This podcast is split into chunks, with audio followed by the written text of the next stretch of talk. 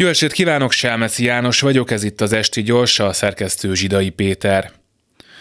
Politikusok és az úgynevezett szakértők idióta szokása, hogy megpróbálják elhitetni velünk, hogy bizonyos mindenkit érintő jelenségek következményeit megúszhatjuk.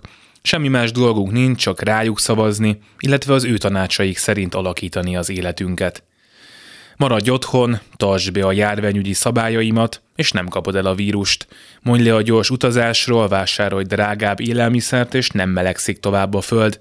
Szavaz rám, építek kerítést, és nem lesznek bevándorlók. Hazudták, hazudják nekünk folyamatosan. Itthon alig, ha nem, nagyon sokan elhitték Orbán Viktornak, hogy nem lesznek bevándorlók. Pedig amikor a miniszterelnök erről hazudott, már nőni kezdett, azóta pedig megsokszorozódott az országban dolgozó külföldiek, nem ritkán harmadik országbeli melósok száma.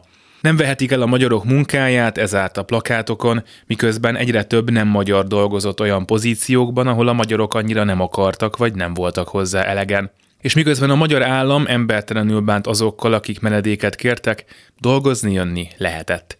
Ez utóbbi rendben is van így. A bevándorlás megúszhatatlan. Nem csak azért, mert a világ legtermészetesebb dolga, hogy az ember, munkaerő áramlik ide-oda, ahol éppen munkát és élhető életet talál, hanem azért is, mert míg a világ szegényebb része fiatal és túlnépesedik, a gazdag, de öregedő Európának szüksége van a GDP termelő, a szociális rendszert fenntartó munkáskezekre.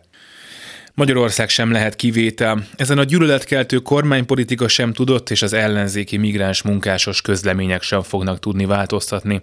Ártani viszont mindkettő árthat. A bevándorlás ugyanis nem egyszerű és nem kényelmes dolog, az pedig biztosan nem segít, ha a kék plakátokon szocializálódott, a házaik mellé épülő gyárak miatt egyébként is ideges polgárokban tovább fűtjük a gyűlöletet. A nagy migrációs hullám idején itt a rádióban sokat beszélgettünk arról, hogyan kellene hivatkozni adásban az érkezőkre. Az addigra plakátokra került migráns szó helyett a bevándorló, a menekült, a menedékkérő kifejezés is felmerült, aztán az egyik kollégánk bedobta, hogy milyen jó lenne néha azt mondani rájuk, hogy emberek.